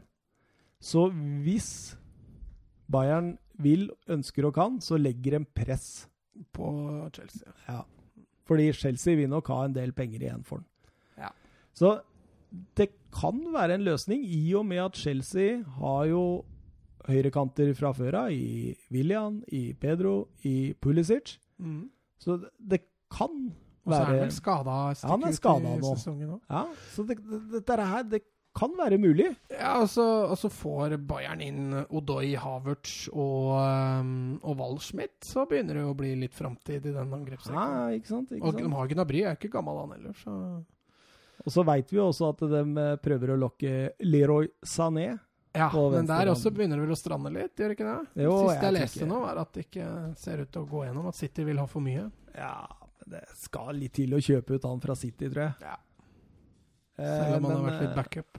Artig, artig link, da. Ja, absolutt. Og en spiller som ville passa dem. Ja, så tenkte jeg så på, på Marius. Han har jo også sittet en del på benken i City, så Ja. kunne jo også vært en naturlig gå gang videre til et annet 4-3-3-lag. Det er en uh, spiller som liksom hadde gjort seg i de aller, aller fleste klubbene.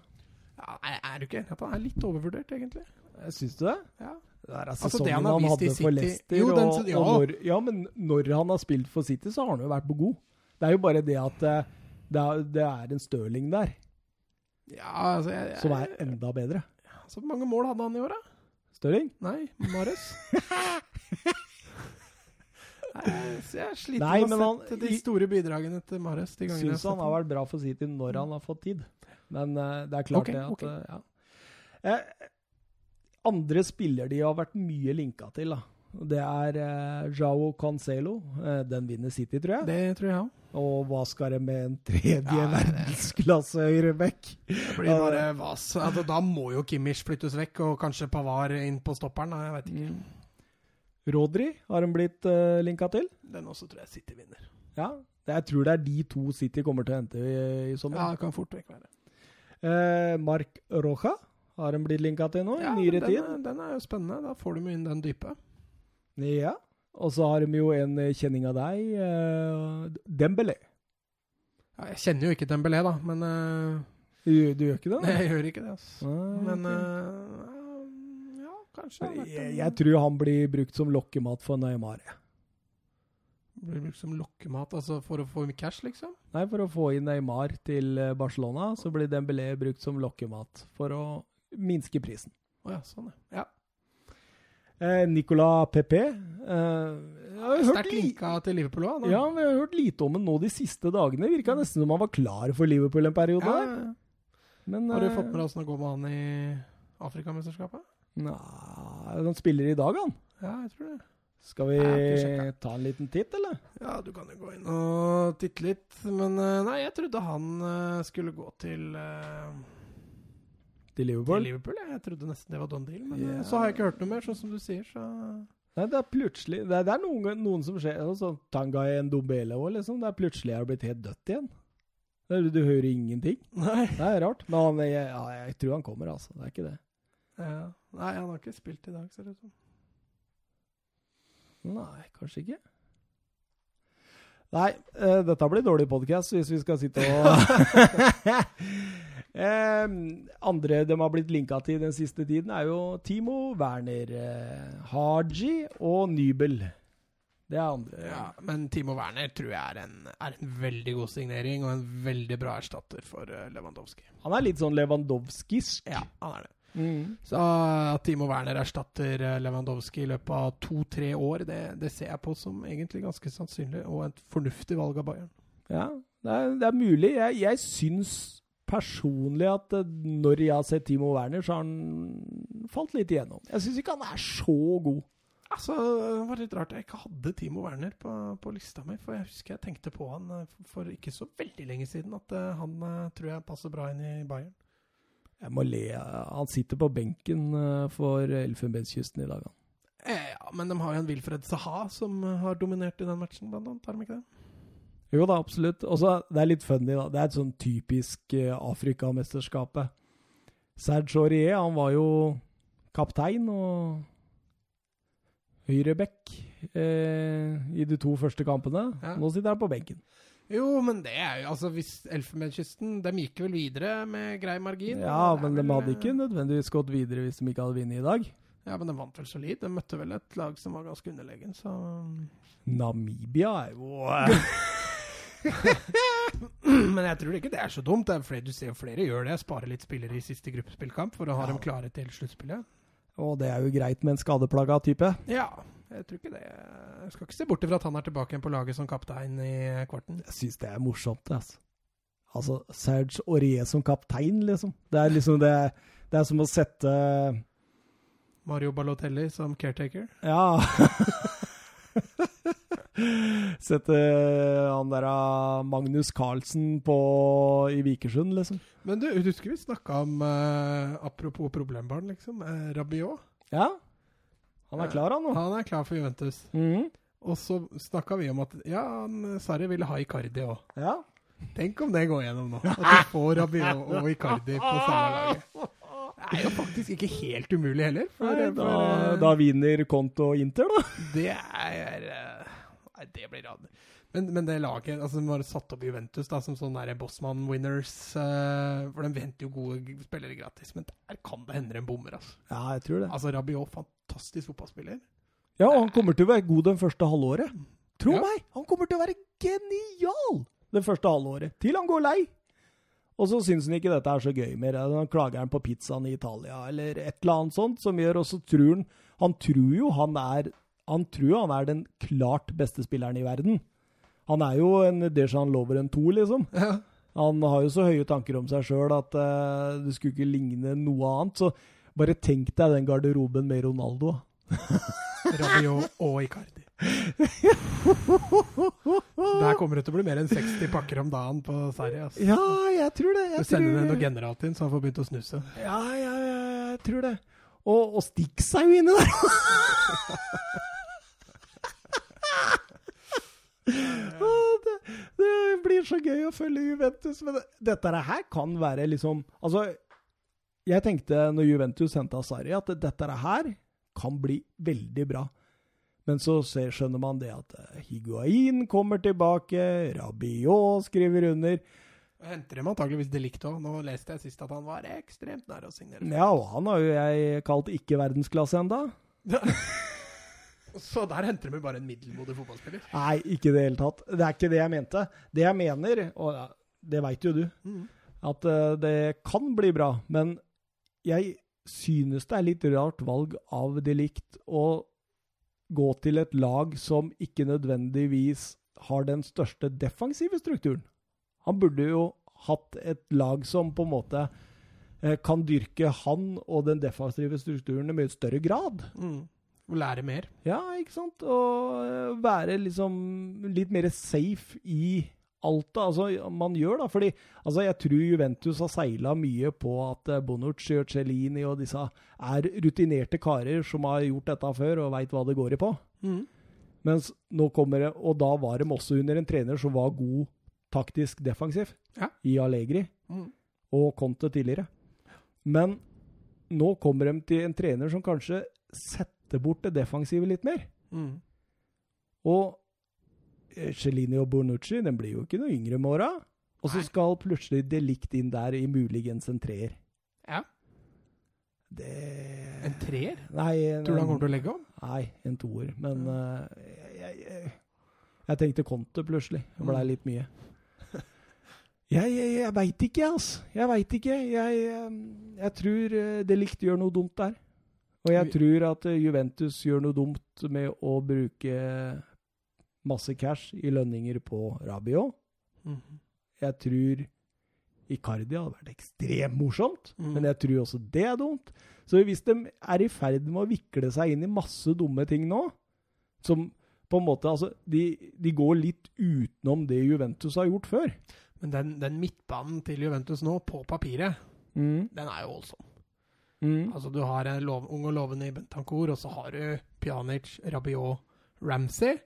Og så har du Emre Chan, du har Sami Kedira, du har altså den midtbanen Det er ikke er, bedre enn den treeren jeg lanserte i Bayern München? Nei, altså, altså det beste av det beste, men altså dette er spillere de stort sett har henta gratis, da.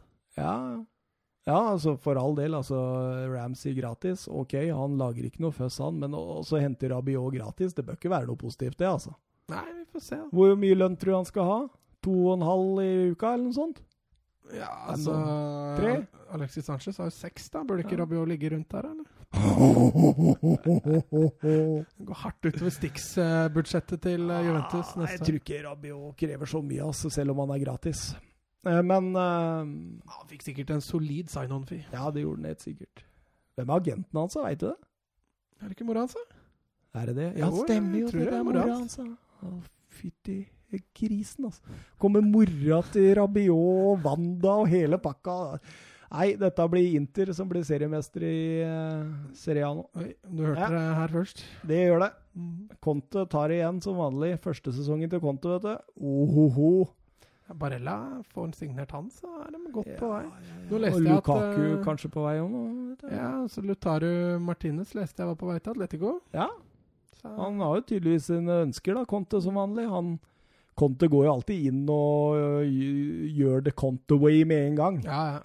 Det er ikke noe å lure på. Men det skjønner jeg litt òg. Altså, Inter i fjor spilte jo ikke 3-5-2. Uh, så det er mye som må gjøres der. Ja, det, er. Det, er, det er liksom Altså Veien da, med den troppen han har nå, kontra det han hadde med Chelsea, da, mm. den føler jeg mye lengre fram. Ja. Uh, så at han skal lykkes allerede i første sesong det... Men, men, men det, er, det, er, vanskeligere òg å vinne ligaen i Premier League enn det er å vinne i Serie A. Ja, definitivt. Uh, nå ble jo Godin klar for uh, Inter, da, ja. endelig. Se, der ser du! det har jeg sagt i mange uker.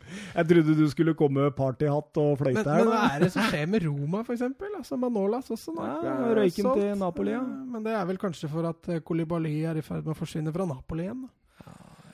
Jeg frykter den der uh, Toby Aldevereld. Altså. Ja, Pellegrini forsvant også fra Roma nå, så Går Toby til Italia nå, vet du? Tror du det. Ja, Rykta til Roma nå. Ja, Roma trenger, ja, trenger spillere, så det Det hadde vært fantastisk signing for Roma. Ja, det tror jeg. Men altså, et Roma-lag skal spille Europaliga. Altså, Milan kasta ut av Europaliga. Men det verste vet du, er at jeg er ikke så bekymra. Fordi jeg syns både Foyt og Sanchez er fantastiske stoppere. Jo, men det er langt fram til Aldevirella likevel. Altså, det blir litt ja, som det likte. Men Ja, men samtidig Fertongen, vet du. Han, Jo, altså eh, plasserer er- du en av dem ved siden av Fertongen, så alle gode, han. Men, men den gang det, når Fertongen da er ute i fem-seks kamper, så har de en eh, har Da har de en case. Da har de en utfordring. Ja, altså. da har de en case. Det er jeg helt enig i. Ja, mulig Eric Dyer kanskje blir det beste alternativet da, i så fall. Ja, jeg ser ikke for meg at både Foyt og Sanchez tar dette her eh, med en gang som en midtstopperduo. Men nå har jo Sanchez hatt da to sesonger, da, har han ikke? Jo, han har vært, han har vært ja, bra, han er altså. Han er ikke noe utsett Ja, ja. Fortsatt litt urett. Nei ja. Skal vi ta kvelden, eller? Jeg skal på ferie i morgen, Mats. Ja, jeg skal rett opp på hytta da når vi er ferdig her igjen. Ja, du får en god kjøretur, da. Jeg gjør det. Ja. Kan du høre på poden vår, faktisk? Ja, jeg skal sette på poden. Og høre igjennom. Det er deilig å høre på poden. Er overraskende, overraskende lett å høre på sin egen stemme, faktisk. Ja, men vi er vi, Altså Nå har vi glemt lytterspørsmål, da. Ja, Nå har vi sittet her og babla om Og vi ble enige om å ta lyttespørsmåla underveis. Det gikk i rett vest. Da må vi gå tilbake og Altså Forrige gang så glemte vi å legge ut lyttespørsmål. og da satt vi her og lurte på hva, hva skal vi si nå. Og nå så babler vi masse, og så har vi lyttespørsmål. Eh, vi vi eh, Hadde vi ikke sånn fanfare ved lyttespørsmål? Bup, bup, bup, bup. Ja, der var vi i mål. Eh, Jørgen Stix Nystuen, som vanlig. Eh, en av favorittlytterne våre, det. Ja, En av mange blitt. Eh, snakk litt om Fabian Ruiz. Har han tatt steget opp til å spise Stix med de store? Ikke kirsebær, men Stix?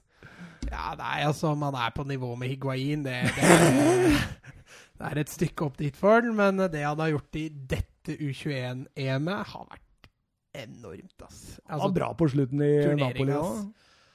Jeg vil nesten si turneringas klart beste spillere. Ja. Eh, Det var få som var i nærheten av han. Du hadde kanskje et par i Italia, men Nei, Jeg er syns han var eh, fantastisk. Og vi snakka litt om han i stad. Håper han tar i hvert fall ett år til i Napoli før han begynner å flytte på seg. Han var en av Serie A's beste midtbanespillere. Altså, han han Altså- er det en av de som tar steget, altså. Altså Vårsesongen hans i Napoli i fjor var veldig, veldig bra. Mm. Hvor er han kom fra igjen? Han ble kjøpt for 300 fra Betis. Betis, altså. Ja, nei, men ah. Fabian og Ceballos, og nå har de Firpo på gang. det er moro, altså. Mm, er. Betis er et lag å følge med på. Eh, ja, vi, vi sier at han allerede spiser Stix med de store, vi, tror jeg. For det, jeg, jeg syns det er en av de eh, mest spennende midtbanespillere i Europa har nå. Ja, den sesongen som kommer nå, tror jeg blir eh, Det blir Stix kvalitet. Eh, Jonathan Hobber, hei Jonathan. Kommer dere til å ha sending gjennom sommeren? Eh, som vi var inne på, jeg kommer til å kjøre tur-retur fem timer for å spille inn en eh, finale Copa America-episode med noe ymse attåt. Ja, Får håpe det blir mer enn 0-0 i den kampen. ja. Eh, Da tror jeg faktisk blir ekstraomganger i den finalen, hvis Ja. det blir 0-0. Det er sånne rare regler. Eh, og så kommer vi til å ha en liten pause. Ja, da må vi ha litt ferie. Ja, så da blir, Men det, det blir ikke lenger enn et par-tre uker? Par, par uker og en halv, eller noe sånt? da? Ja, vi må, kan jo nevne det da, så må jeg bare sjekke ferieplanene mine før jeg sier noe bastant. Ja, Men så, hvis ikke så låser jeg meg inn og prater litt. Ja, med kan kjøre solo, du. Det er det som er greia. Vet du. Jeg kan kjøre solo, for jeg kan teknikken. Men du aner ikke teknikken, så du kan ikke gjøre det. Det går dårlig, tror jeg. Eh, nei da, så vi, vi, vi kommer jo til å kjøre framover mot neste sesong med, med litt sånn hva burde lag gjøre? Tabelltips etter hvert, og Ja. transfer talk og litt ja. morsomme greier. Ja. Eh, Jonathan Hobber igjen. Eh, hvem er deres topp tre spillere og bunn tre skuffelser? Jeg antar det er spillere da, i eh, Copa America så langt. Den er litt vrien. Jeg satt og tenkte på den litt i stad. Hvem er mine topp tre spillere som jeg har mest imponert over i eh, Kåpan så Mm. langt? Altså, jeg kan ta skuffelsene mine, i hvert fall. da. Eh, Du, du begynner der. Altså, som vi var inne på, så syns jeg Messi har underprestert. Eh, vi forventer altfor mye av vi, alt for mye, vi forventer alltid mye av Messi, men eh, nå, den turneringa her har han bare vært OK. Og Ja. det, altså Messi-standarden så har han vært en skuffelse. Eh, skuffelse nummer to vil jeg kanskje dra fram litt Falcao. Han har fått spille, startet tre matcher. Han har ikke skåra ett mål. Jeg skjønner ikke det der. Eh, Zapata har fått spill, starte én match, eh, og han scora. Og, og virker også mye mer altså, farlig Mm, enn det ja. Jeg skjønner ikke bruken av Falcao der, altså. Jeg er, jeg er helt enig. Um, Der gjorde altså, altså det er jo, Vi har jo skrytt av han tidlig, han Carlos Carreiras. Han, Mm. den der syns jeg han feiler stort, altså. ja, der, eh, der er jeg helt enig med deg. Jeg syns han, eh, jeg syns han bommer. Har du en treskuffelse? Ja, altså hvis vi, hvis vi kan jo flytte oss litt over på, på Brasil. Altså Brasil har jo hatt de kampene hvor ting flyter, Mm. så er det jo veldig gøy å se på Brasil. Ja. Men i de kampene hvor det skorter, Mm. så er det nesten kjedelig å se på dem. ja. Og mye av grunnen til det er jo, er jo spissen til Brasil, syns jeg. Firmino. Eh, De gangene det går bra, så er han veldig bra involvert. De gangene det går dårlig, så sliter han. Ja. Så at uh, Det er sikkert flere som har egentlig vært mye dårligere enn Firmino, altså, men han var han jeg kom på i farta. Å, deilig. Deilig liste, da. Messi, Firmino og eh, Falcao. Falcao. Det, Ja. er, det er det deilig ja, liste. Firmino har vel skåra to mål, så han har jo egentlig ikke vært så Men, eh, men har vært veldig opp og ned, i hvert fall. For min del så er jeg enig med Messi. Ja, altså jeg, det, er, det er som vi var inne på i starten der, at altså, hvilken som helst annen så hadde du ikke tenkt noe annet enn at dette er en OK turnering. Men med Messi så forventer jeg så mye mer Ja. At jeg eh, setter han som en skuffelse i forhold til hva man kan forvente. Um, men det, det er stort sett sånn det er med han på landslaget, da. ja, men altså på Argentina Du kan jo egentlig nevne Aguero og Lo Celso, for eksempel. Ja, Så det er flere ja men på det var, det, Argentina der, som der hadde du min nummer to, skjønner du. Lo Celso. Ja. Fordi siden han har vært så voldsomt linka til Spurs, så har jeg fulgt han litt ekstra. mm. Og eh, det jeg har sett, har vært forferdelig. Men så er vi inne på at han brukes jo ikke der han bør brukes. Nei, Men to av de for, tre for, kampene. ja, fordi altså, Argentina har jo ikke noe sånn rolle. Nei. Så det blir litt um, som å bruke kjerringa til å spa vann oppover. Ja. Det blir litt uh, Min tredje skuffelse uh, Ahmed Uch Ali på uh, Qatar. Han hadde du forventa mye av før mesterskapet. Nei, jeg, jeg, jeg eh, Kommer ikke på noen i Nei, jeg gjør ikke det. Så det, det er mine to store skuffelser, og begge spiller på Argentina. Så da kommer de til å avgjøre Copaen, Ja, sannsynligvis. Det kan, du, det kan du banne på, da. Men ehm, ja. Topp tre. Altså Positivt så må jeg nesten nevne Alexis Sanchez. Ja, det Eh, må jeg jo. Jeg syns han har vært Altså hva det jeg har sett i United, og jeg har sett Apache. det er to vidt forskjellige Det er jo en av turneringens spillere. Ja, ja, ja, jeg er helt enig. Jeg syns han har vært, uh, vært veldig bra. Toneangivende for Chile. Og, og det er liksom mer liv rundt den nå enn det det er i United. I United så spiller han totalt uten selvtillit, og i, i Chile så virker det som han uh, Og så ser det ut som steget er tilbake òg. Det er sånn du, du kjenner den igjen fra Arsenal-tida, liksom. mm. Ja, merkelige greier. Og så kan jeg nevne Hames Rodriguez. Mm. Nå har jeg ikke Mm. sett så mye av han i Bayern i år. Han har jo ikke fått spille så mye heller, men, eh, men han har vært veldig frisk. Ja, og så Gomez i Paraguay syns jeg har vært uh, nydelig. Ja, helt enig. Helt enig. Mm. Men jeg vil trekke frem én til, og det er han Vilmar Barrios. Ja, ja, selvfølgelig. Syns jeg har vært fantastisk. Helt overlegen. Vi må kjøre en sånn uh, Copa. America-årets lag òg. Ja. Det må vi huske på neste gang. Det blir en lang episode, da. Ja, Hvis vi skal ha to lag, finalen og den. Men det blir gøy. det blir gøy. Det blir gøy. Vi må jo altså sitte litt i studio når jeg skal kjøre fem timer. Mm.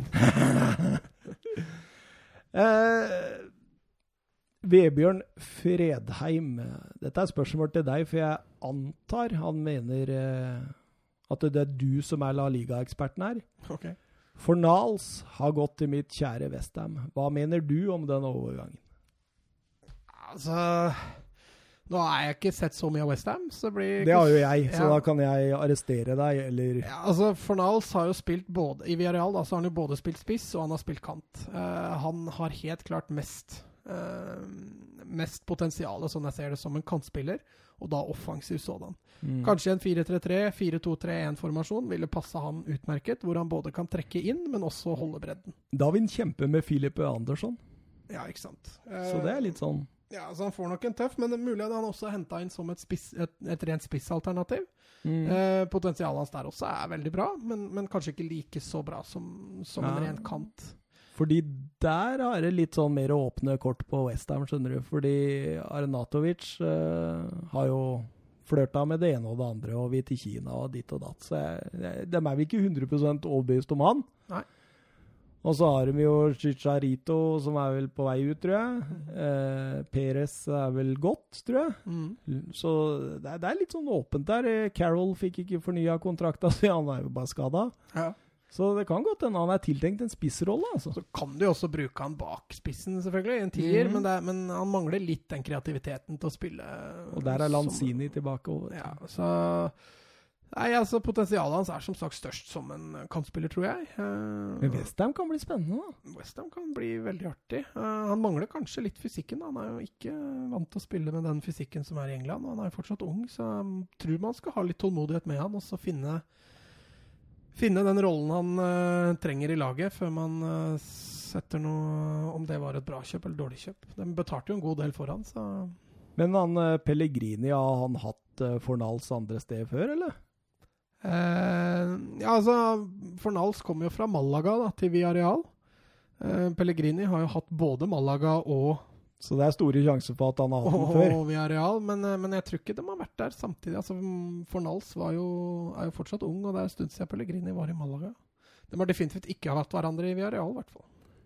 Nei, for der var Pellegrini fra 2004 til 2009. Ja, så det, Så det er jo ti år siden. ja, da var Fornals 13 eller noe sånt, var det ikke det? eh, Jo, ti år siden. Da skulle han være tolv, da.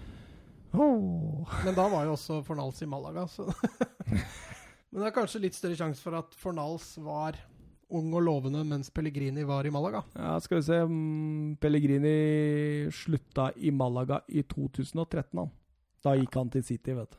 Tok Ja. over for Manzini. Ja, men Da tror jeg ikke de to har hatt noe særlig med hverandre å gjøre. Men, Nei. men uh, uansett, jeg tror uh, Jeg håper selvfølgelig for Fornals sin del at det er en, er en fornuftig overgang. uh, men veldig vanskelig å være noe bombastisk der når jeg ikke kjenner så godt til Westham. Nei, det blir spennende, altså. Jeg, jeg, jeg føler på meg at Westham kan få en liten oppsving nå. At de, de er på G. Ja. At de Altså, for det, det er jo et voldsomt potensial. Altså det var jo, Jeg husker jo Slaven Bilic-tida. det var jo Første året med Bilic var jo veldig artig med Westham. Uh, men sesongen etter var jo, var jo rett og slett et uh, mannefrafall av de luxe av eh, spillere. Så mm, nei, hvis de greier å finne tilbake litt det de hadde da, så kan det jo bli veldig gøy. Tenk liksom Declan Rice bak eh, Filippe Andersson, eh, Lanzini og Fornals med en ålreit spiss. Mm. Ja, Så har du Mark Noble òg. Han er vel fortsatt eh... Det er Mark Noble, det, vet du. Nei Skal du få lov å dra tilbake til hytta, eller? ja. Ja. Har du, gleder du deg? ja, jeg skal høre på podkast. Den blir bra. Vi må legge den ut, da. Ja. Og så slipper du å gå tur med hunden før vi ja, nei, nå er det bare å slippe den ut døra. nå, nå er det litt deilig. Åh, deilig, vet du. Kommer du hjem, og så er han glad som en hund, og så Ja. Nei, eh, vi ønsker ikke god sommer før vi tar sommerferie før, men vi sier at vi er tilbake Når er vi tilbake? Nei, Det blir litt opp til deg, det, men jeg, jeg er klar jeg, fra Jeg- jeg- mandag neste uke. Jeg er klar dagen etter, tror jeg. Dagen etter finalen. Ja, ja Hvis Jeg er litt usikker. Jeg tror finalen spilles på lørdag. Ah, så, Så- da, da tar vi fra mandag et eller annet gang. syns kanskje vi kanskje skal utsette det til mandag. Ja. Um, Søndag er en god kjøredag. jeg veit hva. den Spilles på søndag. Ah, Så da blir det mandag. ja, Bronsefinalen er på lørdag. ja, da blir det fort mandag. Mm. Mm, Men vi kan jo ta for oss bronsefinalen sånn litt òg, da. Ja, Det spørs hvem som spiller. Ja, Nei, det blir, det blir jo Det enten blir jo Brasil eller Argentina eller Brasil. Ja, Jeg kommer jo til å se den, så jeg, vi kan jo godt snakke litt om den, men det er, dette er finale. Ja, det blir finale. Det blir Ja. finale. Eh, kos dere inntil videre. Absolutt. Så eh, kommenter og slakt og gi kritikk. Vi er forresten på Instagram, har jeg sagt det? Ja, fordi hun har jo tatt over, hun. Ja, ja, nå har vi vel noe sånt som 15 eller 16 følgere på Instagram. Vi har outsearcha Instagrammen vår. Det det er funny. Det er funny. Tenk det, nå er vi så store at vi har fått Men nå er vi jo på de fleste sosiale medier. Mangler bare Snapchat, nå så Mhm. er vi i gang. Og uh, gjerne heng dere på Twitter. Og så har vi fått mange sånne nye sånne på iTunes. Ja. Ja. Mange nye, hva da? Ja, sånne reviews, vet du. Har vi gjort det? Ja, ja. Nå er vi oppe i 31, faktisk. Oi. Og det, alle har gitt oss fem. Det er gøy. Bortsett fra én.